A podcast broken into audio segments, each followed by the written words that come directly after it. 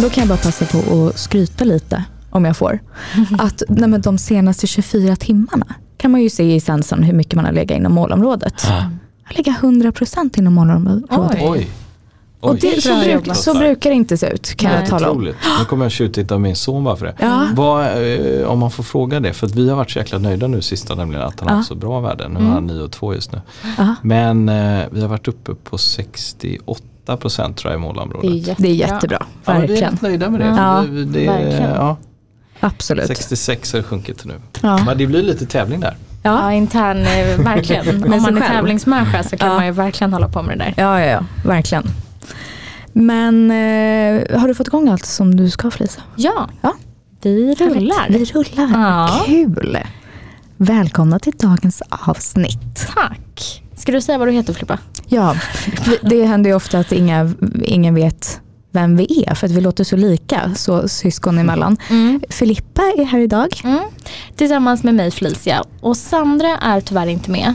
Men vi har någon annan väldigt eh, spännande person med i podden istället tänkte jag säga. Ja, Eh, Niklas Johansson. Välkommen. välkommen. Tack, kul att vara här. Kul att du är här. Ska, vill du kanske berätta själv? Ja precis, vem är du? Vem Vem är? är du? Ja, vem är jag då? Nej men självklart. Eh, nej men Niklas Johansson heter jag. 40 år gammal blev jag förra året. Eh, så att, eh, liten sån 40-årskris som pågår. Jag tror det, eller min fru tror det. Eh, är pappa till två barn. En, eh, en åttaårig dot- dotter strax och en femårig son. Och så gift med Stina. Eh, och eh, vi bor i Nacka. Strax utanför Stockholm. Eh, och vi älskar restaurang. Vilket tror, Ah. tror vi kommer att prata lite grann om. Matdryck. Absolut. Livet. Eh, men annars är jag en sån där idrottskille. Mm, jag ja. gillar racketsporter och, och hålla på med golf och tävla. Och, Paddel. Ja, det har ju blivit det. Som ingen vill spela tennis längre så får Nej, man spela padel. Ja. Eh, vilket är skitkul också. Ja. Så att nej men idrott är en stor del av livet. Ja. Ah. Gud vad roligt. Ja det är kul. Och du har ju också en son med diabetes. Exakt. Ja. Så min son, eh, fem år då, har typ 1 diabetes. Mm. Sen lite drygt ett år ungefär. Ja. Ja. Så att vi har liksom tagit oss igenom det här första året som eh, diabetesförälder. Ja. Hur har det varit? Svajigt. Ja. Alltså helt otroligt när man tänker tillbaka till. Jag och min fru pratade om det just häromdagen. Vad man liksom har gått igenom. För att det, är, det går från liksom en dag till en annan. Så helt plötsligt så är man inlagd på sjukhus. Mm. Och har liksom en son som är allvarligt sjuk. Mm. Mm. Och det gick, jag kommer fortfarande ihåg, eh, min fru ringde och jag satt och eh, tog en eh, kopp kaffe på Villa Dagmar. Mm. Och det är så här att nu åker vi in till Saxka. Mm. Och det är helt overkligt. Ja. Och är man helt plötsligt bara inne i ett rum och det är provtagning precis överallt. Mm. Och vad ska det här ta vägen? Men då, vi hade hittat det på ett ganska tidigt stadie Mm, okej. på Hugo. Och det är just av anledning av att han har en kusin som också har typ 1 diabetes. Mm. Och som hade fått det lite drygt ett år innan. Så att vi, för, för min son så blev symptomen ganska tydliga. Han eh, drack jättemycket vatten helt plötsligt. Mm. Framförallt på nätterna och så kissade han jättemycket. Ja. Så att vi kände ganska snabbt att ja, men det, här, det här måste vi kolla. Mm, och sen som man ner så bara, nej men det här det är bara en fas och Mm. han är törstig och det här löser sig. Men, Ja. men det var typ ett diabetes. Mm. Så att då, vi hade ungefär två veckor på, på Saxka som var helt otroligt. Fantastisk personal och Ja. grymt mottagande och allting. Och man gick ju definitivt upp och ner i känslor precis hela tiden under den perioden. Eh, och det är ju lite som att lära sig också. En, universitetsutbildning på två veckor i ta hand, vad är det här för sjukdom? Vad händer i ens kropp? Hur ska man behandla det här? Alltså, det kändes ju som att hela livet bara ställdes om på en sekund. Liksom. Mm. Gud ja. Eh, och sen, nu har vi fantastiskt, vi bor i Sverige och liksom välfärdssystemet och allting. Så att eh, efter det så var det hem, vi hade hemma eh, Hugo i några veckor och drog igång hela liksom, planeringen med förskola. Ja. Så här, okej resurs, det fanns ingen resurs på förskolan, ingen annan diabetiker på just den här förskolan. Nej. Eh, och och helt plötsligt några veckor efter insjuknandet så ska man stå och lära ut det här själv som Ja. förälder. Mm. Vi stod liksom själva där, utbilda pedagogerna. Ja. Vad är diabetes och så här funkar det. Och Mm. Så här funkar på vår son och det här är utrustningen. Och man är mitt i liksom en sorgeperiod. Såklart. Och chock Mm, och förnekelse och förkastelse. Och, Mm. och någonstans så tror jag att jag och min fru är ganska rationella till slut. Så här, Eller ganska snabbt så här. Vi accepterar läget. Det här är, Mm. det här är for life. Eh, och vi gör det bästa av det här. Och eh, vi har haft jättetur. Vi har en helt enastående resurs på förskolan. Mm. Eh, som vi har haft förmånen att ha nu i drygt ett år. Mm. Gud, som gör att vardagslivet funkar så bra. Ja. Eh, han har otroliga värden, mycket bättre än, än eh, på fritiden. Ja. Eh, när han är på förskolan. Mm. Eh, och det funkat hur bra som Ja. helst. Gud vad skönt. Det måste ju vara en otrolig trygghet. Mm. Ja, men man hör så många historier och, och skräckhistorier just på det här och hur svårt det är. Men vi, vi, hade, vi hade tur. Men också genom att vi var väldigt bestämda som föräldrar att Mm. eh, det här ska in och Mm. vi ska ha det här och det behöver vara den här omfattningen. Mm. Eh, och, eh, och det är inte alla föräldrar som orkar det. Nej. Det ska man också ha respekt för. För man är i en, en tuff utsatt situation där man har sovit dåligt ganska länge under en sån period. Mm. Oro och på det så ska man ta hand om myndighetsansökningar, Ja. man ska dra med förskola Mm. och, och samtidigt få livet att bara fungera. Så att det är ganska stora krav på en förälder i den. Verkligen. Ah. Verkligen. Och där tror jag utifrån att just tar, man, man behöver ta hjälp. Man behöver involvera många av Verkligen. sina nära och kära Mm. Men är alltså en resurs, för resurs var ingenting man fick på, på min och Felicias tid när Nej. vi var små. Nej, är det okej. något alltså man ansöker om som förälder själv då? Det är inget som skolan bara så ordnar utan det... Så här är det, det, det beror lite på vilken kommun du bor i. Mm, vi vi okej. bor i Nacka kommun och då fanns det en, en beräknad omfattning. Ja. För att då yngre barn i förskoleålder så har du ungefär det här behovet vilket Mm. inte var riktigt en heltidstjänst. Nej. Eh, så det fanns en uppskattning av det. Mm. Men de måste i sin tur äska pengar av kommunen för att Mm. få finansieringen då för en extra resurs. Och det här vet jag hör jag ju ser lite olika ut i kommunerna. Mm. Vilket också är, känns orättvist. Ja. Att det finns inte det här liksom färdiga, okej det här är en diabetiker, det behövs den här omfattningen i skydd. Mm. Det borde man kanske från politiskt håll eh, lite mer ha stadgat. Och det gäller ju andra så här omvårdnadsbidrag och liknande Ja som, visst. som man söker som diabetiker. Varför ska man behöva skriva långa brev som ser likadana ut med ungefär samma resultat i slutändan. Mm. Mm. Eh, så där tror jag man kan förenkla och underlätta lite. Mm, Mm. Verkligen. Men vad skönt att det blev så bra. Var det någon person då som kunde diabetesen innan som ni fick som resurs? Nej, faktiskt inte. Nej, okej. Faktiskt inte. Nej. Eh, men hon har varit otroligt duktig på att lära sig och Ja. ta till sig. Och det finns ju också mycket onlineutbildning. Ja. Bland annat Saxka har ju liksom ett fint eh, onlinepaket. Ja. Att man kan lära sig. Så det har hon gjort och, och liksom tagit egna initiativ. Så. I det här fallet så är det ett strålande exempel på någon som själv verkligen vill. Mm. Och jag tror det här, vi blir varma i hjärtat för hon är fantastisk och blir som en extra familjemedlem. Liksom. Mm. Eh, Och, och för Hugo enorm trygghet. Ja. Att känna att eh, jag vet, eh, hon har koll på mig på dagarna. Liksom. Ja, visst. Att, Det är något också tycker jag, när det är människor som inte själva har diabetes, som ändå engagerar sig. Mm. Så blir man nästan extra glad. Ja, För det är ju annars vi som eh, liksom, på ett eller annat sätt lever med diabetes som eh, liksom, krigar på i den här frågan. Så man blir nästan Mm. extra glad när det är någon, någon som inte är liksom, direkt berörd av diabetes. Mm. Som ändå ja, men engagerar sig. Ja, jag håller fint. verkligen med. För det är inte lätt. Vi pratade om det lite innan och det, det är just att det är en sån dold sjukdom. Och den är otroligt svår att förklara för någon. Ja, Mm. verkligen. Jag sa det att, eh, att vi pratade om de här vanliga frågorna att, att okej du kan inte äta socker och är, är blodsockret stabilt nu? Mm. Och så här, nej det är aldrig stabilt. Nej. Det kommer aldrig vara stabilt. Nej. Eh, och att kunskapen fortfarande är så otroligt låg. Och jag, Mm. jag skäms själv än idag när, för att, när min brors son fick det så jag, jag förstod ju ingenting. Nej. Nej. Jag kom fortfarande den här första sommaren vi var på deras sommarställe och jag erbjöd mig att gå bort med alla barnen och handla glass. Ja. Och det var så här, nej men, nej men det funkar inte. Och Nej. jag, jag, det här, men vadå, jag, kan, jag går bara och köper en glass. Mm. Ja, fast det går ju inte. Mm.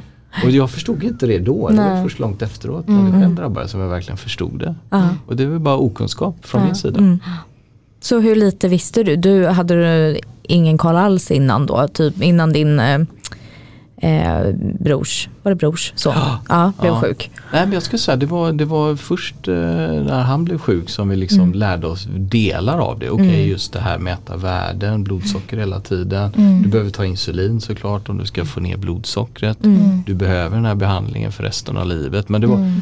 Extremt liksom basal låg kunskap och Mm. framförallt inte allt det här som händer hela tiden. Nej. Nej. Och att det är så ständigt närvarande i ditt liv hela Mm. tiden. Mm. Det, hade jag, det hade jag inte förstått. Nej. Att du, liksom, du kämpar ju med det här eh, dygnet runt hela tiden. Mm. Man får ingen paus. Nej. Nej. Nej den tar ju liksom aldrig paus sjukdomen. Nej. Nej. Den gör verkligen inte det. Och det är väl den sjukdomen va, som kräver mest Egenvård. Ja, Den mest komplicerade egenvården i världen. Precis. Och det pratar man ju inte om. Nej. Bara att beskriva det på det sättet gör ju Mm. att liksom man får upp ögonen för det verkligen. ja. Och då får man ju också förståelse för alltså det ansvaret som läggs på föräldrar som kommer hem med sina barn från sjukhus Mm. och de som lever med diabetes också förstås. Mm. Eh, vilket ansvar man har liksom, och vilket eh, lass man ska dra. ja. Mm. Gud ja. Det är ju tufft alltså. Ja men det är verkligen det. ja. Och när det drabbar ens barn också. Jag har ju en tvååring Ja. eh, och jag eh, kan ju bara föreställa mig. Eh, för att det är, man är ju ständigt rädd för att det ska hända ens barn någonting. Mm. Ju. Mm. Så att, eh, ja, jag har verkligen eh, fått extremt mycket mer förståelse för det jobbet som våra föräldrar har gjort och Ja, andra diabetesföräldrar har gjort. Liksom. Ja men jag kan tänka Så mig att, det. eh, ja, det är verkligen en stor eloge alltså. ja. Gud ja. Ja, det är många hjältar där ute som Mm. jobbar med det här i det dolda liksom precis hela hela tiden. Verkligen Mm. så. Och hur tog Hugo det då när han fick det? Förstod han något eller var det? Eh, nej först tror jag inte. Nej. Eh, verkligen bara chock. Vad gör jag här och vad är det här för Mm. tester och Mm. när får vi åka hem? Mm. Men jag tror han ganska snabbt sen förstod det. Mm. Eh, och det, han gick igenom ganska många faser. Han gillade verkligen inte sprutor. Nej. Såklart. Det var supertungt för honom och han gjorde ju kopplingen. Han förstod ju väldigt snabbt att okej, om jag ska äta då behöver jag ta spruta. Mm. Så att han hamnade ganska direkt i den här, ja men då vill jag inte äta. Nej. Ja. Eh, så att vi hade, eh, tack vare det så fick vi pump och eh, sen, sen, sensor väldigt snabbt. Mm. Och det tror jag var en räddning i Hugos fall. Mm. För att Mm. det var superjobbigt för honom. Mm. Sen har han gått upp och ner. Mm. Han har definitivt haft perioder det här första året som är liksom när är det här slut och Mm. kan jag bli av med det och, och de frågorna är inte kul som Nej. förälder Nej, eh, att hantera. såklart. Men jag tror nu, nu har det liksom gått drygt ett år, jag tror att han har landat lite i det också. Mm. Mm. Det är inte så farligt på det sättet att han kan fortfarande göra allting. Mm. Och det tror jag har varit vår viktiga grej som familj. Att så här, vi fortsätter resa, vi fortsätter åka skidor. Mm. Vi fortsätter göra alla de här grejerna som vi tycker om att göra. Vi äter pizza. Alltså, vi exakt. gör allt det här som vi vill göra. Mm. Och det, det är viktigt tror jag. Mm. Och att han känner det också. Verkligen. Så det var ett sånt tidigt familjebeslut vi tog att den här diabetesen den får hänga med oss. Mm. Mm. Det är superviktigt. Mm. Den får liksom inte ta över hela tillvaron för den kommer Nej. fortfarande ta en stor plats. Men den får inte påverka hur vi lever livet. Nej. Och det, det är sånt här lite peppande man har tagit upp Ja. från olika samtal och man har hört från andra att så här, nej men vet du vad, kör, Mm. gör det du vill. Ja. Följ dina drömmar, hitta på roliga saker, det funkar hur bra som helst. Ja. Det är bara att planera lite hårdare Mm. och när du är i skidbacken, ha kexchokladen nära när det Exakt. behövs. Mm. Men det funkar. Mm. Och det är ju många sådana här lärdomar man lärt sig med sjukdomen också. Så här, var planerande. Mm. Alltså vår kost och allting har ju, den har förändrats. Mm. Alltså det är ju fortfarande det är ett barn så att det är viktigt att äta kolhydraten och allt det här och, och det håller vi strikt på. Men vi, har, vi är definitivt mer planerande Ja. just utifrån när vi äter. Mm. Eh, att vi ser ju den här Skalmans mat och sovtider Mm. funkar Ja. väldigt bra. Ja. Eh, eh, men vi har några grejer. Har ni läst den här boken Glukosrevolutionen? Nej. Nej men det, jo men den känner jag igen. Ja. Inte läst dock. Ja. Det är en, en, en fransyska, en biokemist. Aha. Som, som liksom på sig själv då Mm. har, har mätt eh, hur maten påverkar henne. Mm. Eh, och också då lagt med faktorer som typ eh, rörelse, Mm. vara aktiv, hur kommer det påverka? Mm. I vilken följd jag äter maten, hur Ja. påverkar det? Ja. Hur påverkar det om jag äter en dessert på tom mage? Mm. Och det här är superintressant och det är någonting som Ja. vi faktiskt tagit in i vårt beteende. Och det, är, det är att vi försöker äta maten i en viss ordning. Mm. Så numera börjar vi alla måltider, vilket är bra för alla, med Mm. just grönsaker, fibrer. Och det är det ofta i vårt fall eh, morötter eller kanske broccoli eller blomkål. Att just ta lite grann av det, ibland kanske med någon hummus liknande. Mm, mm. Så att liksom kicka igång. Och sen det hon kom fram till det var att äta sen eh, därefter då eh, proteinet och sist kolhydraterna. Ja. För då leder det till att kolhydraterna kommer inte lika snabbt ut i blodet. Nej, just det. Så att du får inte alls lika hög, du får ett stabilare blodsocker Mm. över längre tid utan den där piken som du annars kan få. Otroligt intressant och hon har liksom på data verkligen mätt det här. Ja. Och jag skulle säga nu, vi, vi, har, vi har levt med det här ett tag och vi tycker att det funkar. Mm. Vi tycker att det blir bättre. Ja. Gud Eh, Så det är också en så här eh, väldigt intressant grej. Ja. Men det där känner jag, jag har inte läst boken. Det låter verkligen som att man har anledning att göra det. Eh, men däremot eh, då när jag var gravid eh, så är det ju extremt viktigt att ligga exceptionellt bra i blodsocker. Och då pratade jag med en dietist som sa exakt det här. Att, kol, eller att eh, fibrerna påverkar kolhydraterna. Konsistensen på kolhydraterna påverkar blodsockret och allt det där. Eh, så det är jätteintressant. Jag känner verkligen igen det nu när du berättar om det. Att ehm, det påverkar. Ja, jag tror alla skulle må bra av det. Mm. För precis det där pulvermoset kommer ju gå ut snabbare än vad, vad potatisen i fast form gör exempelvis. Mm. Exakt, verkligen. Och också den här ordningen, vilket var väldigt intressant. Att äta en dessert, det, det gillar ju alla att göra. Mm. Eh, och äter du det efter en måltid, alltså i samband med måltid, men efter Mm. när du ändå har en del annan mat i magen. Då kommer du inte få samma topp heller i blodsockret. Mm. Äter du den på tom mage, den där crème brûlée eller vad det än må Ja. vara. Så kommer du få en större spik Ja. I blodsockervärde. Eh, också så här superintressant. Mm. Så att eh, ät dessert men ät efter måltid. Typ. Gud vad bra. Bra. Det här är Konkret sånt, eh, ja, tips. Ja, exakt. Men en sån här en, en graviditet då, det här blir Mm. man ju nyfiken på. Hur, hur påverkas liksom blodsockret under en Ehm, graviditet? insulinresistensen eh, blir större och större Ja. längs hela graviditeten. Så att ju längre man går desto mer insulinresistens får man.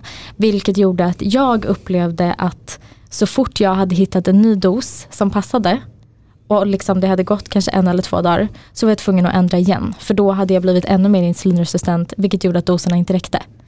Eh, så att jag fick ju hela tiden öka dosen successivt. Ehm, På grund av, vad, vad är, det är på grund av moderkakan, va, som Moderkakan. blockerar insulinet Ja. på något vis. Mm. Exakt. Just det. Så det är ju lite speciellt. Men eh, så då, liksom, då tog jag ju all hjälp jag kunde få. Och det behöver jag man ju inte vara gravid för att göra. Men då, då hade jag ju verkligen anledning att liksom lyfta på varje sten Ja. och skruva på allt. Liksom. Ehm, så då pratade jag bland annat om det här med en dietist. Ja, vad intressant. Mm. Hur har er liksom, kost och så påverkats av diabetesen tror ni?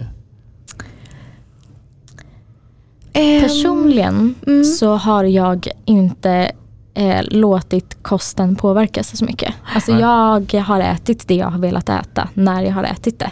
Eh, så. Mm. Eh, och har inte förbjudit mig själv att äta någonting. Eh, men däremot om jag har haft en jättesvajig dag och legat högt. Nej då är det inte den dagen jag går och äter sushi till exempel. Då struntar jag i det den dagen. Men jag har inga generella regler eller förbud som jag får hålla mig till. Nej. Eh, förutom igen då när jag var gravid. Då struntade jag i saker. För det, Mm. då, då var det inte värt det. Liksom. Nej. Nej. Och det var en så begränsad tid Ja, att förstår. det var okej Ja, att liksom göra avstamp på vissa Mm. saker. Men våra föräldrar har alltid haft samma mindset som du och din fru har. Att vi, man vill ju leva livet, man ska kunna Mm. göra allt fast man har diabetes och Mm. sådär. Så de, jag tror inte de, de kanske gjorde alltså, val Mm, av kost möjligt. när vi var små. Men det var nog inget vi märkte av. Vi har alltid ätit alltså, väldigt bra, inte liksom så mycket snabbmat hemma. Vi har aldrig Mm. druckit läsk för det är inte något vi tycker om heller. Nej. Nej. Så det har alltid varit liksom bra mat. Men jag har Alla har aldrig... ätit samma mat. Du Ja. och jag har Mm. inte fått något special. Eller Nej, nej. Nej. Om alla andra har fått glass eller godis så har du och jag fått något annat. Alltså så har det Ja, varit. det. Ja. Och där får man se superkraften i det. Att man får med sig fantastiskt bra vanor som är bra för alla. Mm. För det är, det, det är det vi också ser. Vi, har ju, vi, vi äter allting. Mm. Det vi har gjort största förändringen det är nog mer så här vardagsmaten. Alltså vi har ingen sötad yoghurt hemma Nej. längre.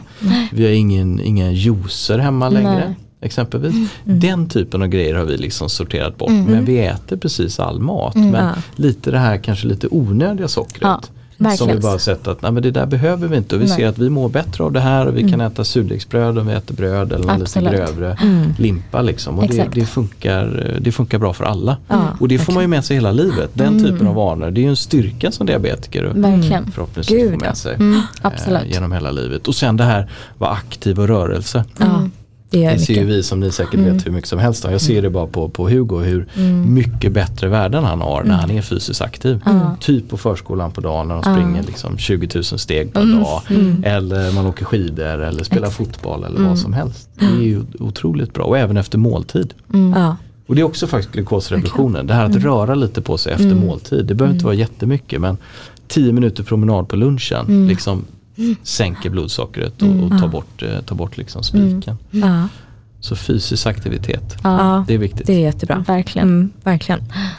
Men ni är ju en väldigt eh, matintresserad familj kan jag tänka mig. Ja men det får man väl säga. Ja. Jag vet inte om vi nämnde det i början. Nej, jag var ju du- extremt blygsam. Och det, Ja, du var ju det. Ja precis, Nej, jag, jag Ja. brukar avsky att presentera mig själv. Ja, ja, sådär. ja. Men går det bra att vi gör det då? Lite mer nu så här en bit in i avsnittet. Ja, du jobbar självklart. ju som vd på Svenska Brasserier. Just det. Vilket är ju då Rish, Sturehof, Aira. Vad glömmer jag mer? Ja men exakt, det, Ja. det är precis. Nej, men det, är- vi, vi är liksom samlingsnamnet för en restauranggrupp Mm. som jag har förmånen att, att vara vd för och varit med och kört det här i, i tio års tid. Ja. Så att eh, Sturehov, eh, Rish, Teatergrillen, Mm. Taverna Brillo, Aira, eh, Lucette, Ulriksdals värdshus, Gondolen, Mm. eh, Brillo Pizza, lite spökkök, eh, lite butiker. Mm. Eh, Rish Phoenix eh, på Söder, Ja. The Hills på Söder. Ja. Så att vi är liksom en, en restauranggrupp Mm. eh, men som bygger individuella varumärken och individuella upplevelser. Mm. Mm. Så att eh, det är superkul. Ja. Så vi jobbar med människor och vi jobbar med att skapa lycka. Det är liksom hela eh, varför vårt företag existerar är för att skapa lycka. Och det är sjukt härligt att gå till jobbet och känna att eh, det är det som är syftet med det Ja. vi gör idag. Det är att vi ska ha er som gäster och att man ska lämna med ett lyckorus. Eh, och göra liksom tillvaron, den där guldkanten lite grann hela tiden. Mm. Göra livet lite härligare, lite bättre. Ja. Gud vilket roligt jobb. Mm. Tänker jag som älskar att äta på restaurang. Nu kanske Nej, inte det är samma, det är väl inte det du gör, du gör dagarna in och ut. Men vad, inte. nej. Men ganska ofta. Ganska ofta, ja exakt. Men om, om vi då backar bandet lite till att ni fick reda på att Hugo hade fått Mm. diabetes typ 1. Mm. Hur gick det ihop med liksom karriärlivet? För jag kan tänka mig Mm. att du säkert jobbar mycket, det är mycket som händer, du har hand om många olika varumärken och så vidare. Mm. Hur, hur gick den balansen? Ja verkligen. Ja, men det är precis, var landar man i där? Helt plötsligt stod vi där 6 december var det 2021 när vi fick beskedet. Eh, och december är liksom högtryck i vår verksamhet. Ja. Man har en kalender som är helt överbokad eh, i princip alltid. Eh, och det första var, det var tror jag, det var en väldigt fin respons bara av liksom styrelsen som är min arbetsgivare. Att så här, ja men vet du vad, eh, ta hand om familjen, se till att det funkar. Vilket gjorde att jag, jag kunde vara borta från det under några veckor där. Och verkligen lämna över och fanns tillgänglig på telefon och lite avstämningar. Men, men fick liksom verkligen möjligheten att under några veckor så här, ta ett Landa kliv lite. tillbaka. Och det, tack vare att jag också har fantastiska kollegor som är superduktiga och, och klarar sig hur bra som helst själva. Så att verkligen så här, först ett steg liksom bara tillbaka. Eh, och sen så här, hur får man ihop tillvaron överlag eh, med det här? För det är ju liksom ett extra lager av utmaning eh, i ens tillvaro. Och jag tror för oss, vi har väl satt lite så grundprinciper. Dels eh, verkligen planering. Alltså i vårt familjeliv då, hämta lämna med två, två barn och aktiviteter och kompisar och matlagning. Så att just planeringsstruktur, superviktigt. Eh, ta hjälp med eh, vardagsgrejer i form av liksom, självklart som kanske städning men också liksom maten hemma. Att eh, Sturehovs middagskassa kan jag rekommendera. Eh, nej, men men eh, så bra, bra god mat eh, som man kan få fram på, på kort tid. Det är nämligen Hugos favoriträtt, det är Sturehovs köttbullar. Eh, faktiskt inte Rish. Men Nej. Sturehovs köttbullar eh, Oh. är hans favoriträtt. Ja, det är superlyxigt. Ah. Eh, men, men att liksom förenkla vardagen lite på det sättet. Sen har jag och min fru en uppdelning och det är nog, det är ju eh, mestadels tack vare henne att hon är så fantastisk som, som vi också får ihop den här balansen. Mm. Det är, vi kör varannan natt. Ja. Så att vi, vi har ju inte gas och broms än så att det är Nej. lite svaja nätter fortfarande även om det har blivit bättre. Mm. Eh, Men vi tar alltid varannan natt. Så att man vet att okej, varannan natt så kommer jag att sova igenom ordentligt. Och då upplever vi i varje fall att då får man den där återhämtningen om man har Ja. haft en riktigt tuff natt på det sättet. Vi prioriterar träning, att liksom ge varandra den tiden för vi inser det att om vi inte tränar så då fallerar vi lite grann. Eh, vi försöker äta bättre eh, genom det här också skulle jag säga. Inte lika sena kvällar. Alltså, och det är faktiskt det är sådana beslut vi har behövt fatta liksom, för, att, för att orka och, och hålla ihop det. Och sen har jag nog själv gjort en liten förändring. Det var att förr kunde jag sitta från morgonen till sena kvällen på kontoret. Nu försöker jag mycket högre grad komma hem, vara med, läggning, kanske lite middag. Och sen kan man jobba när de har somnat. Eh, så det har också blivit en bättre dynamik att kunna hjälpa till där. Och så får man slutföra lite senare på kvällen. Eh, och sen har jag ju lyxen då att jag kanske har flexiblare arbetstider på det sättet. Förmånen man kan få som vd ibland är att kunna få styra agendan. Och när möten är och, och eh, tider och allting. Och, och behövt anpassa det lite grann såklart. Men det är definitivt ett pussel och, och där man kanske sätter sig själv definitivt i sista rummet. Och vissa andra grejer får bara liksom stå tillbaka, vilket är helt okej. Men det lät väl som en jättebra uppdelning tycker jag, sådär varannan natt. Att man ändå får då, man vet att man, man får lite sömn. För man, man vet ju det är ofta nätter, man är uppe och, och får springa. Det är stökigt ja. Ja, verkligen. Ja det är stökigt, också- det måste ni ha känt på en massa. För vi har ju, nu har vi en ung kille som växer mycket och det är ju tillväxthormoner. Så att de brukar ju kicka igång någon sådär halvtimme efter, efter läggning. Så kör de igång. Mm. Ja men så är det ju. Alltså, det, det liksom kände jag i alla fall när jag fick barn. När alla sa att det värsta är liksom, det värsta med barn, men det jobbigaste är att man inte får sova. Och jag kände bara att det är piece of cake. Jag har aldrig sovit en hel natt i hela mitt liv. Det här, det här var inte det jobbiga. Liksom eh, med nätterna. Så att, eh, verkligen, det känner jag igen. Men jag måste säga också att eh, de här, för du delar faktiskt med dig nu av väldigt mycket konkreta tips kring ert familjeliv Ja. och hur ni får det att gå ihop. För att som diabetesförälder så är det ju extremt många som inte jobbar heltid Mm. eh, och som går in i väggen, eh, man blir deprimerad, man går ner i arbetstid. Japp. Eh, så det här är ju faktiskt jätte, jättebra tips och att ni verkligen har tänkt kring det här. Det måste ju verkligen underlätta. Ja, men jag, jag, man måste liksom vara ett team i det. För att alltså, det, det, det är oerhört tufft och alla har ju olika förutsättningar. Men vi har också, min fru har ett ganska flexibelt arbete vad gäller arbetstider. Och också kunna ha hybridmiljön, att sitta hemma ibland och vara på kontoret ibland. Det har också varit en jätteviktig faktor. För att ibland så ramlar pumpen av och vi får åka ut och, och eh, sätta på en ny pump. För det, det gör inte förskolan än. Eh, och jag menar de här grejerna händer. Ja, så att just ha den där flexibiliteten. För oss har det varit viktigt att inte resa. Jag, eh, förut reste jag en del i tjänsten, nu reser jag extremt sällan. Eh, och det är väl också liksom ett aktivt val i det här att försöka vara hemma och runt, runt omkring så mycket. Sen tror jag hela den här känslomässiga aspekten är viktig. Ja. Den tror jag många underskattar. Och min fru är fantastisk på att prata och det tror jag, det har varit vår nyckel. Att liksom tillsammans gå igenom den här sorgen som det ändå är i början. Liksom. Där man är sjuk, man känner sig väldigt ensam, utlämnad. Eh, Och jag kommer ihåg, vi, vi satt ju och grät i princip varenda kväll Ja. i säkert ett halvår. Ja. Utifrån det som har hänt och han blev ledsen när man bytte pump och han blev ledsen för det. Och, och ens egna känslor är att ens barn ska behöva uppleva det och att det är för livet. Liksom. Så att jag tror att vi har liksom växelvis stärkt varandra och vågar prata och orka prata om det hela tiden. Vi har inte tagit någon sån här samtalsstöd, man skulle mycket väl kunna tänka oss att göra det. Men vi har, vi har verkligen kunnat använda varandra. Och sen haft min bror och hans familj som Ja, stöd då. Det det. var otroligt skönt, framförallt i början då. De hade ju precis gått igenom det här första året. Ja. Eh, och lite grann så här, okej vad händer, hur funkar det här? Alla de här dumma frågorna i början där som man kände kunde jag ju ställa till honom rakt ut och han hade ju och han och hans fru alltid bra, bra kloka svar och råd. Det hjälpte oss enormt mycket. Så det skulle jag slänga ut till alla och det tycker jag man borde ha, en stödfamilj eller någonting i början som man får. Och det här drabbade en annan som var ute i, i mitt kontaktnät för inte så länge sedan. Och det var det första jag gjorde direkt, att bara höra av mig. För man vet ju själv, man är ju kaos där och har Ja. tusen frågor och, och allt går inte att ta med sjukvården Nej. när du har kommit hem. Så att, så att våga sträcka ut där och ta hjälpen. Och jag tror det här lite diabetes-community hade varit kanon att få till. Ja, verkligen. Hjälpa varandra. Gud vilken bra idé med stödfamilj. Ja. Det borde man verkligen ha. Eller stödperson om man är Ja, vuxen exakt. och får. Alltså, ja, någon man kan bolla med. Mm.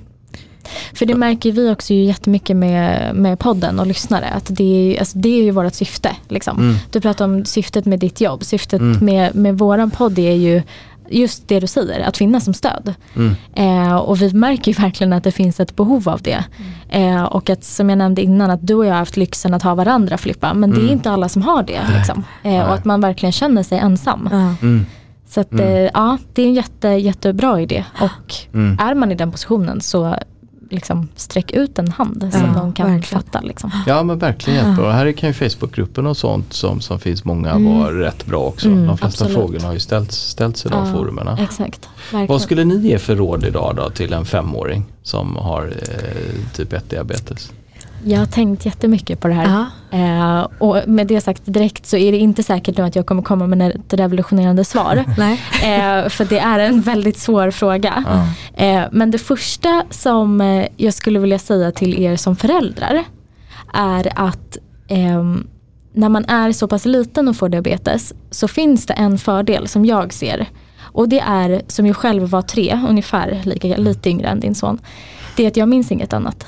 Nej. Jag har inget att jämföra med. Det här är min enda verklighet. Mm. Jag kan inte se ett före eller ett efter. Mm. Jag kan inte tänka, åh tänk innan när jag slapp göra det här eller när jag kunde göra något annat. Mm. Och det är jag väldigt tacksam för. Eh, och med det sagt så klarar man ju allt även om man får diabetes senare. Men jag kan verkligen föreställa mig att det måste vara fruktansvärt jobbigt när man har så små barn och kanske inte kunna förklara allt. Mm. Inte liksom få dem att förstå eller att man ska se dem sådär ledsna och sprutor och nålar. Alltså jag Mm. kan, det, är, usch, det är hjärtskärande. Mm. Ja. Men den verkligen. grejen är ändå kanske en liten bonus på sikt. Mm. liksom. Och det, det är Mm. jättesant och det är något jag också reflekterar över ganska ofta. Att så här, Mm. Det här är mitt normala, det här Ja. är bara vem jag är. Liksom. Mm. Och att, ehm, jag tror jag sa det i något poddavsnitt för inte så länge sedan, att såklart att man, det finns perioder man tycker det är jättejobbigt och man skäms, många skäms över den här sjukdomen och så. Jag har aldrig skämts, vilket, det, det var ingen råd, skäms inte. Men något i mig har nog alltid tyckt att så här, det här är mitt unika. Alla har sitt. Alla är speciella på sitt vis, vilket är jättebra. Annars hade det varit så tråkigt om vi alla i världen var likadana. Och, och det här är mitt. Det här gör mig till den jag är. Det här gör mig till speciell. Och jag, jag kan tycka att det är lite kul. På Mm. något. Ja, Eller Mm. kul, förstå, ni förstår vad jag menar. Att Mm. så här, det, det här är mitt liksom. Mm. Och ehm, jag, jag, men jag är stolt över mig Mm. själv. Och jag är Mm. stolt över att jag kan, berätta, jag kan lära någon något. Mm. Någon gång när jag Mm. möter någon som inte vet vad diabetes är. Då kan jag bidra med, med mitt. Liksom. Nej, du har en specialstyrka i det. Jag Ja. kommer ihåg att ni hade något avsnitt när ni pratade om just så här, karriär och folk sök, söker och ska man berätta om att man har Mm. diabetes eller inte. Och det, alltså, det är en superstyrka. Ja. För att jag tror har man gått igenom något sånt här, en sån här tuff sjukdom och leva med den och allting. Så har man fått ett rikare liv på ett sätt. Ja. Man har klarat av att hantera motgångar. För det kommer man stöta på, flertalet av dem. Man löser, blir en problemlösare. Ja. Alltså för man, man tvingas till det och mm, det här ska man se, det här är unika styrkor. Mm. Så att eh, jag uppmuntrar, alla bestämmer själva och berätta om sjukdomen men Ja. man får se det inte som ett hinder. Nej, utan se det som att det här gör dig till en unik människa. Du får lite andra egenskaper som andra inte har tack Mm. Exakt. vare det här. Verkligen. Ja. Och det kanske man kan, för som du säger, det har vi pratat ganska mycket om. De här liksom, ehm, de här liksom kvaliteterna eller liksom som man ska, vad man nu ska kalla det. Att man blir jätteduktig på att problemlösa, att man blir Mm. duktig på att planera och allting. Eh, och det är ju våran superkraft. Mm. Och där kanske man kan hitta eh, sånt som även en femåring tycker är en superkraft. Han kanske inte Mm. bryr sig så mycket idag om att han är duktig på att planera eller kommer bli. Men eh, han kanske har andra grejer. Han är jätteduktig eller, och kommer säkert bli väldigt duktig på att kommunicera. Mm. För att han måste kommunicera det här vid Mm. vissa tillfällen. Eh, och liksom allt vad det kan vara. Eh, så att det är en superkraft. Mm. Sen jag, jag har inget jättebra svar på hur man ska säga det till en femåring. Eller hur han sen själv ska inse att det är en superkraft just nu. Mm. Men det är det. Mm. Eh, och det, han kommer garanterat inse det på sikt. Mm. Ja. Mm. Och även om det såklart saknas mycket kunskap i samhället så tycker jag på de åren man själv har haft det, på mina 25 år, att det var mycket som har hänt ändå. Mm. Och nu kan jag ändå säga till någon att jag har diabetes typ 1 och den, ja, den såklart, den kommer aldrig förstå exakt men den, den förstår ändå lite Mm. och det gör det så mycket lättare att bara våga säga och vara öppen och han också nu som har en kusin, jag tänker att han det kommer bli en stor del Mm. runt Absolut. er, både i familj och släkt och sådär. Och det, det kommer nog också bli en, en faktor förhoppningsvis att han vågar vara öppen med det och Mm. att inte se det som liksom något. Nej men exakt, att Mm. våga prata om det här. Jag kommer ihåg förra sommaren eh, när vi var och reste lite grann och just han såg andra på stranden som hade liksom en, Mm. en, en eh, sensor på sig. Och att just att titta, titta, där är någon annan. Att just det här, det finns andra och det finns där och det är inget konstigt. Och Nej. just den där communityn. Och för, som barn vill man känna sig som alla andra. Ja. Det är ju så enormt viktigt. Ja, Och, och gud, ja. det, behövs, det behövs de här förebilderna Mm. eh, inom det här också. Ja. Och det kan man ju också tipsa om, ni som går på Saxka då.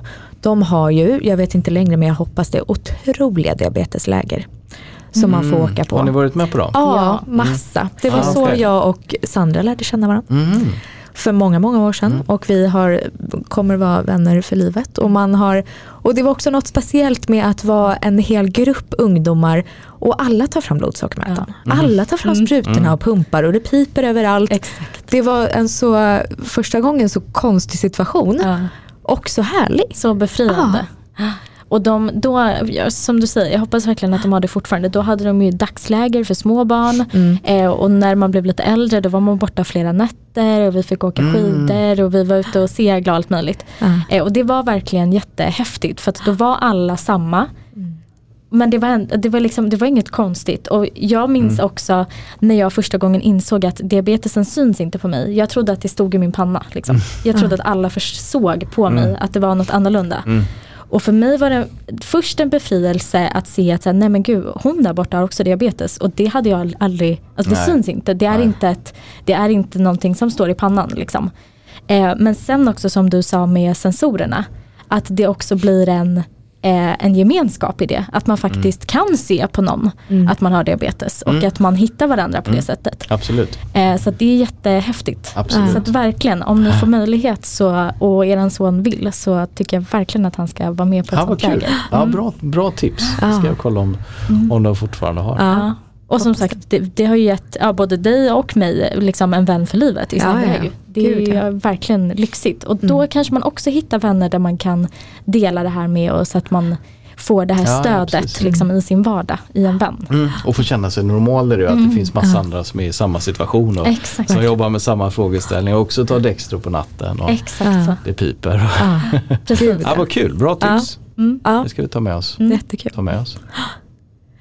Men jag vill prata lite om restauranger. Ja, exakt. Ja. Du Restaurang. förstår, alla vill prata om restaurang. Ja, det är ju liksom livet. Ja men det är så härligt. Ja. Ja. Ja, du sa ju det att ni jobbar med lycka och det är det verkligen. Mat Ja. är ju lyckan Ja, det är lycka. Ja. Ja, gud ja. Vad är Eh, er favoritmat då? Du måste, vilken, vilken restaurang besöker ni helst? oj, det är Det här var ingen så ledande många. fråga. Nej, nej. nej, vad vågar man svara nu då? Ja, exakt. Ehm, men gud, jag är en allätare. Mm. Jag tycker om mycket, mycket alltså va- husman. Mm. Italiensk tycker jag är otroligt. Pasta, älskar Mm. pasta. Pizza gillar jag.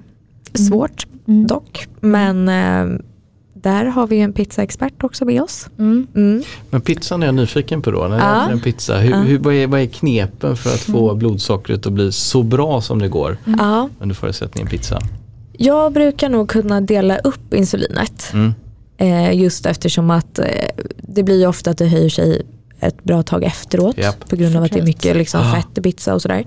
Eh, så jag kanske tar lite innan och lite någonting med senare. Japp. Typ. Mm. Mm. Mm.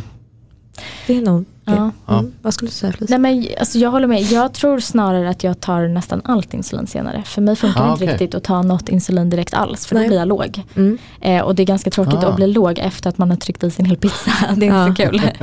eh, men sen har jag ju en till dimension att jag ju har celiaki och är glutenallergiker. Japp. Eh, så att för mig blir det tyvärr, ska jag säga, inte pizza sådär superofta. Förstår. Eh, För det finns tyvärr inte riktigt samma utbud. Nej. Nej. Eh, och samma fluffiga goda deg och sådär. Ska du testa Brillo-pizza. Mm, Eh, som jag inte nämnde förut men som, Ja. som jag också har varit med och grundat. Och det, vi har otroligt bra glutenfria Mm, vad kul. Jag bara säger det för att Ah, eh, vi har kompisar som är, är, är glutenallergiker och verkligen uppskattar dem. Ja, vad kul. För jag håller med, de glutenfria alternativen är inte roliga många gånger. Nej. Nej. Men det här gör inte avkall på smaken på samma Nej. sätt. Gud vad Testa den och spännande. Ja, det har ja. jag faktiskt inte gjort än. Det ska jag göra. Ja. Gud vad kul. Ja, men vår hemlighet är, och vi gör på samma sätt, fast vi ger också lite, vi tar lite innan, Mm. eh, ger honom lite eh, insulin och sen gör vi förlängd bolus över kanske liksom två timmar eller någonting. Mm. För den ligger och puttrar. Men vi, vi har också upplevt lite skillnad beroende på vad det är för typ av pizza. Och vad det är för topping och vad det är för typ av ost eftersom vi är nördiga i det här uppenbarligen. Eh, som, som verkligen ger skillnader. Om man får ta den klassiska fulpizzan som de flesta känner till vid namn. Eh, med kanske eh, lite lägre kvalitet på osten. Den påverkar vår son i högre omfattning vad gäller blodsocker över tid. Han får större spikar av den i, i värde. Än att kanske gå till någon som, som levererar en pizza med kanske lite högre kvalitet på topping och ost. allt. Ja. Där har vi märkt en skillnad. Som är intressant. Mm, verkligen. då, går det, då får han inte samma. Nej, han får inte samma topp Nej. då. Nej. Intressant. Men hur ofta äter ni pizza? Eh, idag, har jag, idag har jag haft förmånen att prova kanske 14, 14 olika. Vi håller nämligen på att experimentera med pizzadegen. Jag får, kanske inte får säga det men det gör jag. Eh, men, ja, men vi äter pizza rätt ofta ändå. mm. Vi äter nog, vi äter nog eh, varannan vecka pizza. Mm. Det skulle jag säga. Ja. Ja, Och vi hur- måste ju det. Vi är ju så involverade i Brillo pizza. Då, Ja, bland annat, så att, såklart. och barnen älskar det. Nutella pizza Oh. Ah, det är eh, finns det bland annat. Hur Ja. gör ni då, då? Det är ju en eh, topping som innehåller väldigt mycket socker va? Hur, hur funkar det med Ja, blodsockret? den är skitsvår. Man får, liksom, man får en slice. Och på Ja. en slice så är det väl okej. Jag vet inte vad vi är för en. eh, 30-40 kanske. Ja. eh, Översatt i, i kolhydrater. Ja. Det går okej. Men det är det värt. Ja. Ja såklart, alltså, vi kommer ju tillbaka till det. Man måste ju få äta. Men eh, det är väldigt eh, intressant. Det är Ja. en, en till aspekt av pizzan när det blir söt pizza. Ja definitivt. Precis, ja. Det är gott på gott på gott. Fast Ja. Väldigt svårt som diabetiker. Exakt, verkligen. Men hur många gånger av eh, liksom de gånger ni äter pizza går det bra med blodsockret? Blir det alltid bra nej, kurva? Nej, Nej. nej, det skulle jag inte säga. Nej. Det, är ju, det är ju den svåraste måtträtten. Ja, det det är har vi också kommit Ja, fram till. ja. Absolut. Den är, den är svår. Nej det blir inte alltid bra. Nej. Det blir det inte. Nej. Det är den svåra. Jag tycker det, det och uh, lördagsgodiset. Ja, det är är svårt. så, alltså godiset är också, ibland blir han också låg. Ja, man exakt. och nästa gång så blir han skyhög. Ja. Eh, den är supersvår och vi, vi har ju inte velat exkludera saker förutom det här som jag sa förut med vardagssockret. Mm. Men lördagsgodis, äta precis som vanligt, gå och välja dem där. Mm. Men vi tror lite grann genom att försöka skapa så sunda vanor som möjligt så han kommer vilja äta det men han tycker inte det är jätte det är inte jättespännande. Nej. Det är inte så att han liksom äter hur mycket som helst utan han Nej. plockar några bitar sen är han ganska happy Ja. med det. Ja, det och eh, sushi har jag också på min lista som svårt. Ja. Ja, håller med. Jag håller med. Och sushi kan det. vara väldigt stor variation tycker jag också beroende på var vi hamnar. Ja, Det verkligen. här lite sockrade riset är Exakt. Mm, en utmaning. verkligen. Och det leder oss för att inför eh, den här inspelningen så eh, droppade ju du några frågor kring eh, liksom, eh, svårigheter med eh, restaurangbesök. Mm. Ja. Mm. Och eh, det kommer jag att tänka på också direkt nu när vi pratar om sushi-ris. Eh, att ingredienserna i maten Mm. vet man ju inte. Nej. Man vet Nej. inte om en tomatsås är liksom spetsad med lite socker för att balansera. Man vet inte hur mycket eh, sötning sushi-riset innehåller och om det skiljer sig från ställe till ställe. Det är ju väldigt svårt faktiskt. Mm. Ja, verkligen. Eller hur? Är du låg eller hög nu Felice? Piper Var det jag som pep? Det tror jag. Gud tack. Nej jag är låg. Du är låg? Mm. Mm. Ska du ha saft här? Eh, nej men jag har Dextro. Okej. Jag knaprar lite medan Ja, vi knapra, spelar in. knapra lite. Det här är intressant, ni som har levt med det länge nu. Känner du att du är låg? Ja jag gör det. Ja, men jag, tänk, känner jag känner också att det inte är någon panik. Nej. Så därför Ja. så, Så du har lärt jag dig känna av graderna i det här liksom? Ja det har jag absolut. Mm. Och jag känner också Jag känner liksom hur snabbt det sjunker. Mm. Så. Mm. Eh, om det går långsamt ner eller om det går fort ner. Mm. Ja.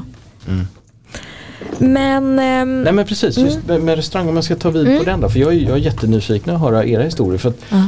för oss har det också, vi tänker på ett annat sätt nu när vi går på restaurang.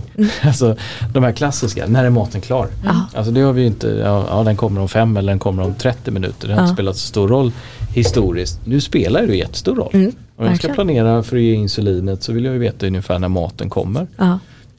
Och det är ingen oförskämd fråga. nej. Men, men eh, servispersonal idag som i vår bransch kan man ju undra så här, men varför ställer du frågan om när maten är klar? Den, den kommer väl när den är klar. Mm. Och hur många mellanrättsrestauranger har ni inte varit på som säger så här att nej men vet, maten kommer när den är klar? ja, precis. Jaha. Är Så det fem väldigt minuter, svårt. 10, 20 minuter? Eh, det vet man inte. Nej. Det är en sån fråga som det jag tycker man ska ställa den som diabetiker. Ja. Utan att göra en grej av att man är diabetiker. Utan så här, vad är din bästa uppskattning om när maten kommer? Mm. För att vi har ju själva varit med om, om incidenter där vi har gett insulin. Och så hoppas vi att maten kommer och så går det 15 minuter, 30 minuter, 40 minuter och så är han låg och så ah, och så kanske maten kommer. Det är ju en hemsk situation Ja, att vara i. Ingen mår ju bra i det där liksom. nej. Så att det, det är en sån lärdom som jag tycker man ska våga ställa den frågan. Det är ingen Mm. konstig fråga överhuvudtaget ställa till en Nej. restaurang.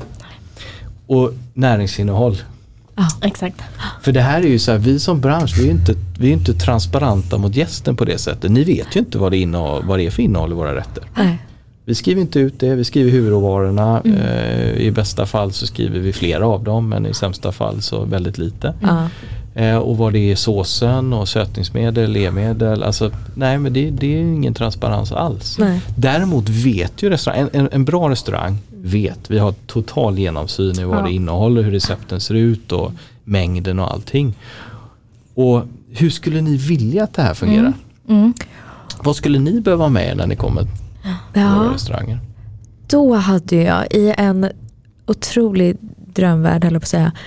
Man hade ju velat ha gram kolhydrater i menyn. Mm. Det hade ju varit, nu som sagt räknar inte jag, men jag vet ju, jag vet ju fortfarande hur mycket eh, alltså hur många enheter jag tar på gram kolhydrater även om inte jag alltid räknar det. Men det hade ju varit en, eh, något som underlättar för många andra tänker jag också. Mm. Ja, för hur planerar du då? Nu har du beställt in den här eh, pasta carbonara på en italiensk restaurang du aldrig har varit på. Nej, Hur, hur tänker du då? då? tänker jag att ehm, ja, då försöker jag föreställa mig hur, hur stor rätten är, Ja, hur mycket pasta det är och så tar jag insulin. ja. Så, Och så blir det oftast okej. Men Ja. ställer du frågan någon gång, att, eller gör ni det? Hur många, hur många gram pasta? nej, jag gör rätten? nog faktiskt inte det. Nej. Nej. Är det för att det är jobbigt att ställa frågan, att vara obekväm? Eh, Vill man inte vara i vägen? Nej, jag hade nog absolut kunnat fråga. Mm. Jag har nog inte tänkt så långt bara Nej. tror jag. Nej. Så jag tar nog och sen som maten kommer in och så ser jag oj det var ju jättemycket mat här. Eller, Mm. då får jag väl korrigera till- lägga till lite mer insulin då. Mm. Ja, exakt. Den är ju lättare ofta, det är ju, det är ju värre åt andra hållet. Om det är lite mat ja. ja exakt, Ja. verkligen. Men det hade, ja, det hade Ja. man ju absolut kunnat fråga. Beskriv gram, gram Mm. kolhydrater innehåller rätten. Ja. Jag måste då få vara lite djävulens advokat i det här. Ja. Eh, för jag håller med, det hade verkligen underlättat rent personligen. Eh, men tyvärr så finns det ju också en eh, högre representation av ätstörningar bland diabetiker. Mm. Ja. Eh, och eh, diabetiker tvingas ju ha koll på hur många gram kolhydrater man Mm. äter. Eh, men det kan ju också tyvärr skapa hjärnspöken och eh, liksom, ja, skadliga beteenden åt det hållet. Mm. Eh, och även tänker jag om, det, om man kliver in som icke-diabetiker på en restaurang där det står eh, gram kolhydrater. Nu, nu ska ju vi representera diabetiker. Ja. Men eh, om man eh, inte har diabetes men kanske har en ätstörning eller kämpar med hjärnspöken och så står det att den här rätten innehåller 70 gram kolhydrater och den här Mm. andra innehåller bara 40 Mm. eller så. Ja. Jag kan tänka Så mig att det påverkar det gästens val? Kanske, jag ja, vet nej, inte. Det kan det absolut göra. Jag, liksom, jag, Ja. jag har eh, liksom, eh, lyckan att inte vara eh, speciellt ätstörd. Ja. Mm. Men tyvärr så är det många diabetiker som är det. Mm. Ja. Mm. Man, förstår, man förstår ju verkligen varför man landar i det eftersom Ja. man blir så besatt av att räkna hela tiden och Exakt. tyvärr är det ju enkelt att göra just den matematiken ibland att ja, men vet du vad, vi, jag utesluter exempelvis kolhydraterna Mm. Exakt. eh, och så kanske det blir bättre av det. Så jag förstår verkligen den där Ja, och det, det det som är balans. svårt med mat också det är, vi testade ett lunchkoncept för några år sedan eh, Mm. på Taverna Brillo Mm.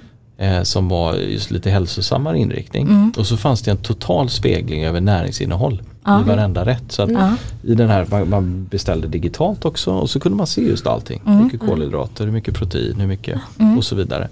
Eh, och så fanns det mycket sallader och så fanns det några lite goffigare alternativ. Mm. Mm. Eh, och gästen säger ju alltid att man vill ha hälsosamma alternativ. Mm. Eh, och sen konsumerar man ofta eh, goffig mat. Mm. Eh, men det här just med näringsinnehållet, vi trodde att det skulle bli en megasuccé. Mm. Så här, superintressant, gästerna skulle uppskatta det. Inte alls, det var ingen som brydde sig. Nej. Nej. Eh, antingen var vi för tidiga eller, eller, eller för dåliga eller så var det just då inte intressant i varje fall. Mm. Men jag tror att den här transparensen som bransch i varje fall, att Ja. jag tror inte man ska skriva gästen på näsan heller. Mm. Just det här för det blir mycket, 150 gram kolhydrater, pastan Ja. kommer från en speciell eh, Mm. durenvete i södra Italien. Eh, raljerar lite grann hur vissa restauranger kan skriva menyerna. Ja. Men däremot bakomliggande, om Ja. du vill. Att kunna få ta Precis. del av den informationen. Och att man, exakt, att man gör det tydligt att den här informationen finns om du vill Mm. eller behöver den. Ja. Det tror jag. Det är och jättebra. personligen, alltså jag hade jättegärna sett hur många gram kolhydrater en rätt Mm. innehöll. Ja. Mm. Ehm, så eh, så att jag, men jag, ja, jag kastar in det här som lite Ja, djävulens jag, advokat. jag tycker det är, liksom. Men det, ja. det är ett bra inspel. ja, verkligen. Mm. Sen vet Men jag inte däremot- om en eh, diabetiker hade tagit ställning till om det stod i menyn. Om du förstår vad jag menar. Nej men jag För hade de- inte valt, jag hade inte valt, alltså personligen, jag hade ju inte Ja. valt bort en rätt för att den innehöll mer gram kolhydrater. Men Nej. det hade ju hjälpt mig i min dosering. Ja. Alltså, ja, men du tänker Mm. att en diabetiker hade valt bort? Ja, Om- eller någon om som är man- ätstörd. Ja, Mm. ja, Att, precis. att det skapar eh, liksom Absolut. ännu mer, eh, liksom, eh, ännu mer eh, medvetenhet som kanske kan ställa till det ifall Ja. man redan är på gränsen. Om du förstår vad jag absolut. menar. Ja, ja, verkligen. Eh, så. Och nu är Ja. jag inte en expert i det här ämnet men ja, Ja. Jo, men det är bara verkligen. en tanke. Mm. Ja, Så. Absolut. Men Nej, men här är det viktigt att eh, komma in lite grann för vi, vi pratar om det mycket hemma. Det, det finns ju många, och bland annat en av våra restauranger som serverar så här fantastiskt focaccia-bröd innan, Mm. innan eh, maten kommer ut. Och det, det har man, vi har alltid älskat det. Ja. Eh, Och doppa i olivolja och Mm. superhärligt. Mm. Eh, men nu med min son så vill vi ju absolut inte ha in det innan maten. Nej. Att få det här vita eh, ljusa brödet som går rätt ut i blodet och skapar en rätt svår middag sen. Mm. Eh, och det är ju många restauranger som jobbar med det här. Mm. Och det här är också det här, vi har ju tagit ett aktivt beslut att, för vi vet att det där är på väg att Mm. vi behöver inget bröd idag. Nej. Eh, och, och, och våga säga det som gäst också. Mm. Mm. Men, men jag tror att vi som bransch också, vi behöver mycket mer kunskap om Mm. det här. Mm. För just allergener, det har man stenkoll på idag. Eh, det är vanligt och det är superviktigt och det finns liksom full transparens i det. Mm. Men jag tror att just diabetiker, det märker i vårt företag, vi har inte, vi har inte kunskap om det utan Nej. vi är ju på samma nivå som samhället tror jag. Mm. Det handlar om Ja. att du inte kan äta socker. Den, kommer, den kommer alltid. Så att okej då utesluter vi socker och sötningsmedel och allting i de här rätterna. Det är inte det som är utmaningen. Eh, och, och sen har man förstått att man behöver lite insulin. Mm. Eh, men egentligen inte för vad. Nej. Eh, så att vi som bransch, jag tror att vi behöver få mycket större kunskap och där har vi alltså nyfiken Mm. på just hur man upplever det själv och besöken och vad man får ut och hur vi kan bli bättre i det här Mm. för att skapa en bättre upplevelse. Ja. Men det tror jag verkligen. Och sen ibland så upplever jag att man eh, kan ju få en, liksom, eh, en total surprise när man får in tallriken. Jaha, här, får- här, den här rätten serverades med ris. Eller Ja. det var, det var Mm. potatis till den här, det stod inte. Liksom. Nej. Eh, och sådana saker. Ja. Eller storleken på rätt. Mm. Ja. Nu, nu har jag inga svar här, jag, det är bara problematik jag Mm. ger. Men, eh, men sådana saker hade ju verkligen underlättat ifall man, ja som sagt, det är mycket lättare ifall rätten visar sig vara större än mindre. Ja, Ja. Men om jag då verkligen. har planerat och så har jag tagit insulin och sen så visar det sig att aha, den, här, den här rätten serverades med kolhydrater som Ja. inte framgick i menyn. Mm. Liksom. Mm. Ja, Eh, och en då kanske sak. man inte vill dosera mer och så ska man vänta en kvart till att det kickar in och då är Ja, maten nej, kall. precis. Ja, det blir Ja, jätte, exakt. ja. Så en tydlig meny då också Ja, Mm. är ju precis. bra. Mm. Vad ligger på tallriken? Ja, Liksom. Mm. precis. Mm. Vi tror ju själva att vi är på väg mot en framtid där vi som restaurang kommer behöva vara lite mer transparent. Alltså Ja. visa tydligare och det här är eh, för oss som här, extremt professionell aktör så är det bara positivt. Just för att kunna vara helt transparent med innehållet för att också kunna påvisa just så här. I vårt fall, vi har en egen trädgårdsodling ute vid Ulriksdals värdshus, vi har egen fiskebåt. Alltså vi har egen försörjning på vilt. Så att vi vet ju var grejerna kommer ifrån Ja. och kan liksom ansvara för det här från jord till bord verkligen på riktigt. Och jag tror att det kommer hjälpa till om det finns transparens att driva den utvecklingen. Det Verkligen. blir mycket svårare så att, säga, att fuska Mm. Verkligen. eh, och, köpa in mindre bra grejer. Ja. Det är betydligt. Ja och som gäst så tror jag man blir mer och mer intresserad av det här. Mm. Alltså personligen så tycker jag ju, jag är ju, jag, alltså jag älskar mat. Det är, Mm. det är mitt absolut största intresse. Det är det enda jag, eh, liksom, jag läser kokböcker, jag följer Instagram-konton, matkreatörer, restaurang. Det är mitt, liksom, det är mitt största nörderi. Ja. Och jag hade en middag i fredags där jag har hållit på och funderat på den här menyn och hur jag ska servera det och i vilka tallrikar. Alltså det, det är ett Ja. nörderi som pågår. Så att personligen så hade jag ju tyckt att det var jätteintressant ifall jag kunde se att jaha men gud ni har kontroll över den här, de här grönsakerna som, som Mm. ni serverar, de har ni odlat själva eller som du säger försörjning av vilt. Alltså superspännande tycker jag. Mm. Sen kanske alla inte tycker det men jag tror Nej. att fler och fler blir intresserade av hållbarheten i det här. Mm. Mm. Absolut. Faktiskt. Men du ska ju också, ut, får vi berätta det? Att du ska utbilda ledningen i Svenska Brasilier om Ja, jag tycker lika bra att vi bara, det är ju roligare att spoila det här. Ja, Får de lyssna på det här? ja, Mm. ja de vet inte om det. lyssna, det kommer en nyhet här. Exakt. Eh, Ja. Nej men vi, vi, ska, vi ska börja faktiskt med, med Beats här nu i maj månad Aha. med, med eh, Peter Jihde och Helena Kolvik där. Aha. Och eh, börja med att utbilda vår ledningsgrupp. Mm. Jättebra. Och det är ju såklart, det är ju helt personligt drivet av mig. Ja. Alltså, vi, blir drabbade i familjen och allt det man genomgår. Och så inser man så här, vilken liten kunskap vi har om det här i samhället. Det här är ju inte okej. Nej. Eh, med tanke på hur många som, som är drabbade av den här sjukdomen. Ja. Så att, eh, nej, men vi ska börja. Ja. Så att eh, alla i Kul, vad ledningsgruppen eh, har inget val utan eh, det blir lite utbildning nu i, i, i diabetes. Vad är det? Hur fungerar det? Varför får man det? Varför får andra inte det?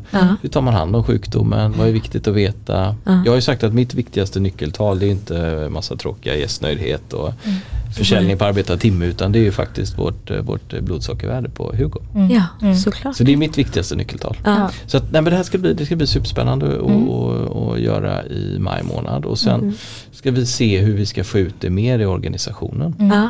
Gud vad spännande. Jätte, verkligen. Ja. Och Vad det pratade vi om eh, att- ja, nej. Nej men jag skulle bara säga det att så här, det, diabetes, det finns ju jättemånga olika saker som man verkligen skulle vilja eh, där, där kunskapen säkert skulle kunna bli lite högre. Ja. Och nu kämpar vi i det här rummet för diabetes och då måste man ju liksom börja gräva där man står. Som vi 100%. pratade om innan.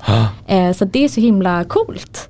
Det är verkligen, jättebra. Jättebra. Det Ja. tycker jag också. Ja, men Ja, men vi alla kan ju vara med och påverka och, vi, och jag känner att jag har ett ansvar. Jag har den här rollen och jag har möjlighet att påverka. Mm. Och då, då ska man ta den tycker jag. Mm, jag har möjligheten verkligen. att göra det. Så att, eh, det, ska bli, det ska bli superspännande. Vi måste få upp kunskap om den här sjukdomen. Alltså, så verkligen. mycket pengar andra insamlingar kan få Mm. i förhållande till vad exempelvis Barndiabetesfonden får. Mm. Det, är, det är inte okej. Nej. Det där måste vi förändra och det kommer ju leda till att vi snabbare hittar lösningar Mm. på den här Verkligen. sjukdomen i framtiden. Ser du ett, eh, ett stort intresse av, av restaurangbranschen att, lära sig? Eller något du har märkt av om diabetes? Nej, jag skulle inte säga det. Nej. Nej. Jag önskade att jag kunde säga det. Mm. Men eh, och jag tror att det har att göra med dels att det är en dold sjukdom. Ja. Jag tror att många gäster beter sig lite som ni beskriver. Man vill inte, man vill inte vara i vägen, man vill inte vara obekväm. Så att man, man hanterar det på sitt egna sätt. Jag hoppas och tror, jag behöver dosera så här. Det kanske är 150 gram kolhydrater, då doserar jag efter det. Maten kanske kommer om 15 minuter eh, eller 30 minuter men jag, jag får hantera det. Mm. Eh, och därav får inte vi heller pressen på oss riktigt att då förändra och hur vi kan möta upp det här. Och det, det är där någonstans jag skulle vilja börja hitta det där skiftet hos oss.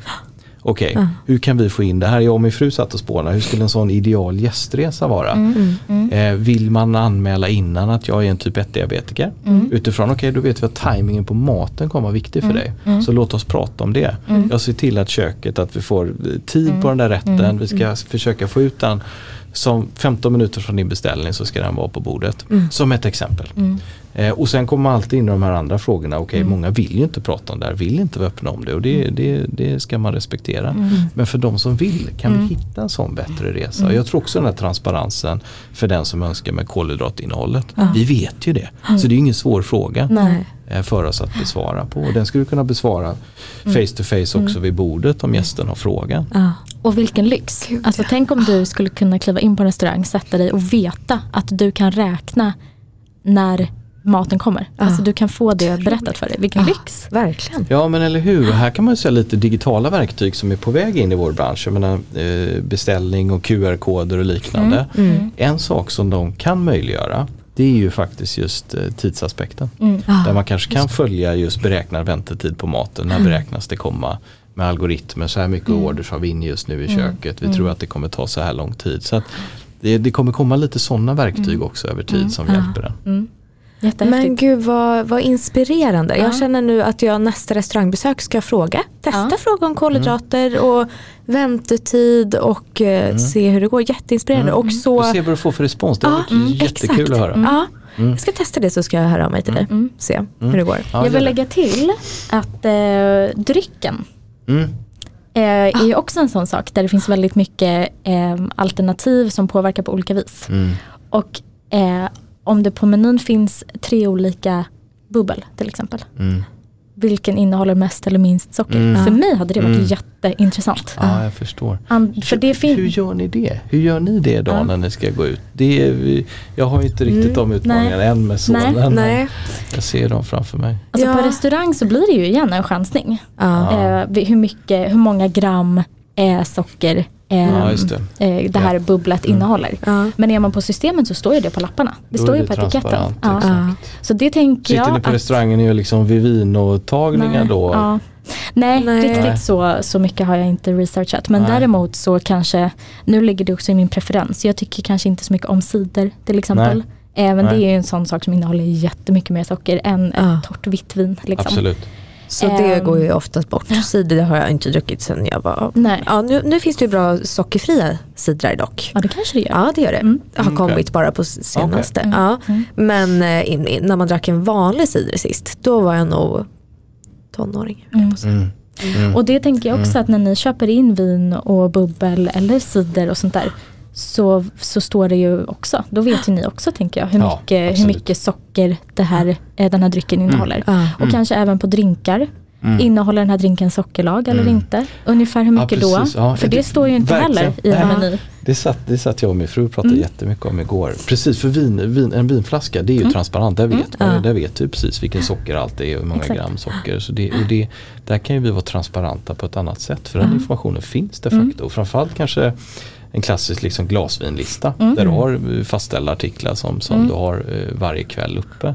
Det är ganska enkelt att spegla. Också göra informationen tillgänglig för gästen på det sättet. Mm. Drinkar satt vi och tänkte på. Och det, Jag inser ju själv hur, hur svårt det är. Mm.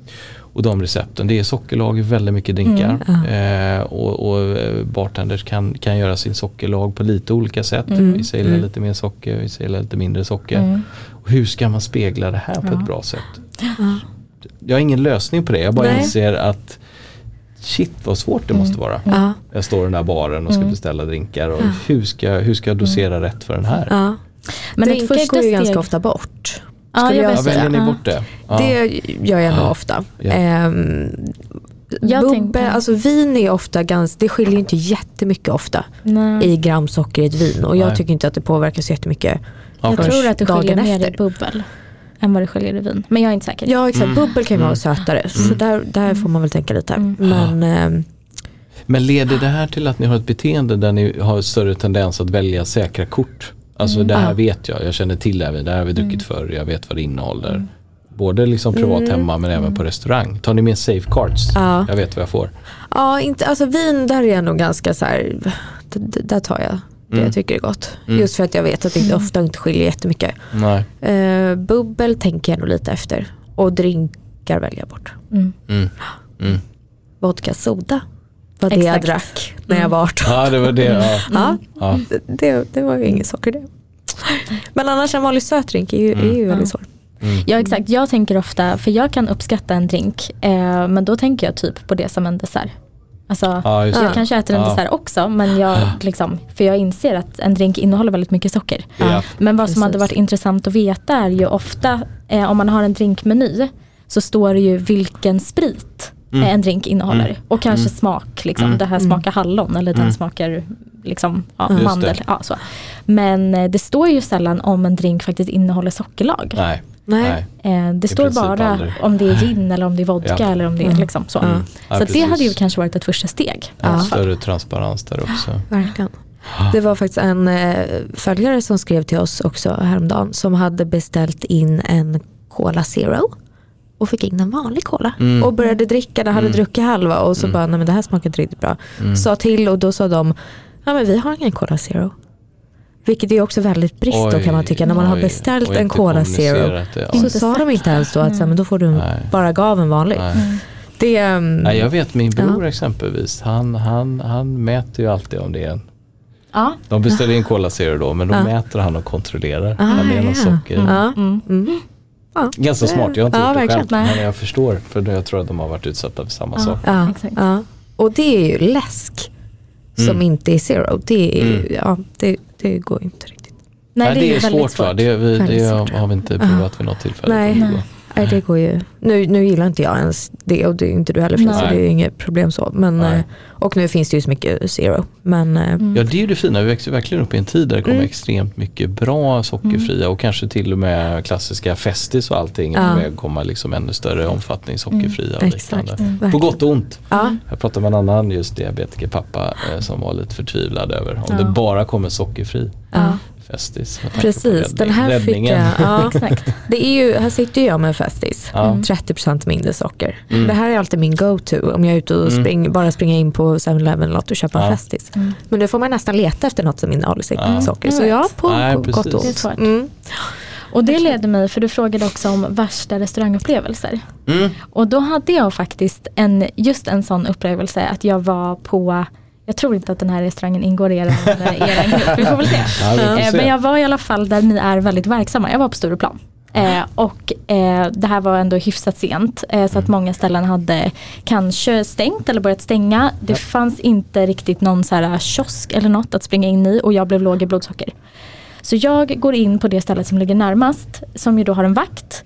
Och till vakten så säger jag att jag har diabetes, jag vill bara gå in i baren och beställa ett glas juice. Liksom. Det går jättefort, jag ska bara in, dricka juicen och gå ut. Mm. Och stället hade fortfarande gäster, det var inte tomt och släckt. Liksom. Jag, jag ville inte gå in i ett ställe som hade låst Mm. dörren. Mm. Eh, men klockan var väl så mycket att de inte släppte in nya gäster. Mm. Så jag fick inte komma in. Mm. Och jag hade ingen Dextrosol. Och det, Mm. jag hittade, det det här var det Mm. närmsta Och vid stället. Jag var tiden, låg. ja. Ja. Och jag fick inte komma in. Och jag försökte säga att men jag har diabetes, jag har lågt blodsocker och den här vakten, han visste väl inte då. Nej. Så att han släppte inte in mig. Ja, men Och det Nej, är ju en, eh, en eh, eh, ganska så jobbig situation. Ja. ja, Ja, men ja. det där är ju okunskap. Mm, jag, jag ska skriva ner det här. Vi, vi har ju också en hel del såklart vakter på, Mm. på kvällar. Ja. Ah, gud. Ja och han, Och det är klart, hade han vetat vad det var. Nej, Nej. precis. Hade han vetat vad det var så hade han såklart släppt in mig. Ja. Utgår jag ifrån. Mm. Så att han visste väl inte då. Ehm, Mm. Ja. Men det ska jag blev ju kontra med en, en bra upplevelse då med en vakt? Mm. Ja. Då var jag ute med en kompis, det här var flera år sedan. Och jag, eh, något hände. Jag hade nog druckit ett glas bara. Men det slutade med att jag stod på gatan och spydde. Mm. Eh, och det var svart, jag minns absolut ingenting. Och jag föll ihop på gatan, det här var Mm. utanför någon bar. Mm. Eh, och jag var med mina jättebra kompisar som kan allt om diabetes och de Mm. började kolla mitt blodsocker hit och dit. Varav då två vakter ser att vi, de håller på att kolla blodsockret på mig och hit och dit. Så de kommer ut med ett glas saft och några Mm. godisar och förstår då att det är diabetes jag har. Åh, och fint. tänker att jag var låg. Nu vet inte jag vad som hände för som sagt det där var typ av ett glas bubbel så något, något var jättetokigt. Mm.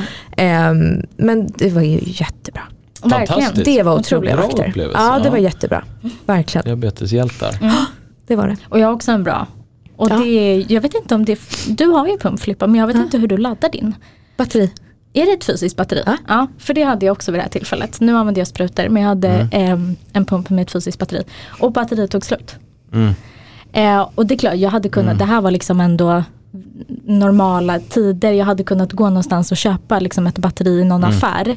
Men då går jag till baren och frågar, har ni ett batteri här som jag kan få köpa? Liksom? Eh, och det här sprids i, så snabbt, för jag sa väl det, min insulinpump, Mm. det har inget batteri. Nej. Så att hela personalstyrkan kommer ut sen med batterier och jag hade hela handväskan full. Liksom. Eh, så det var ju också extremt hjälpsamt när de förstod så att säga, allvaret. Mm. Ja, Ja, det händer bra grejer också. Det händer bra Verkligen. grejer Ja, och sprida verkligen. sådana goda exempel och få fler att vilja göra Mm. dem. Mm.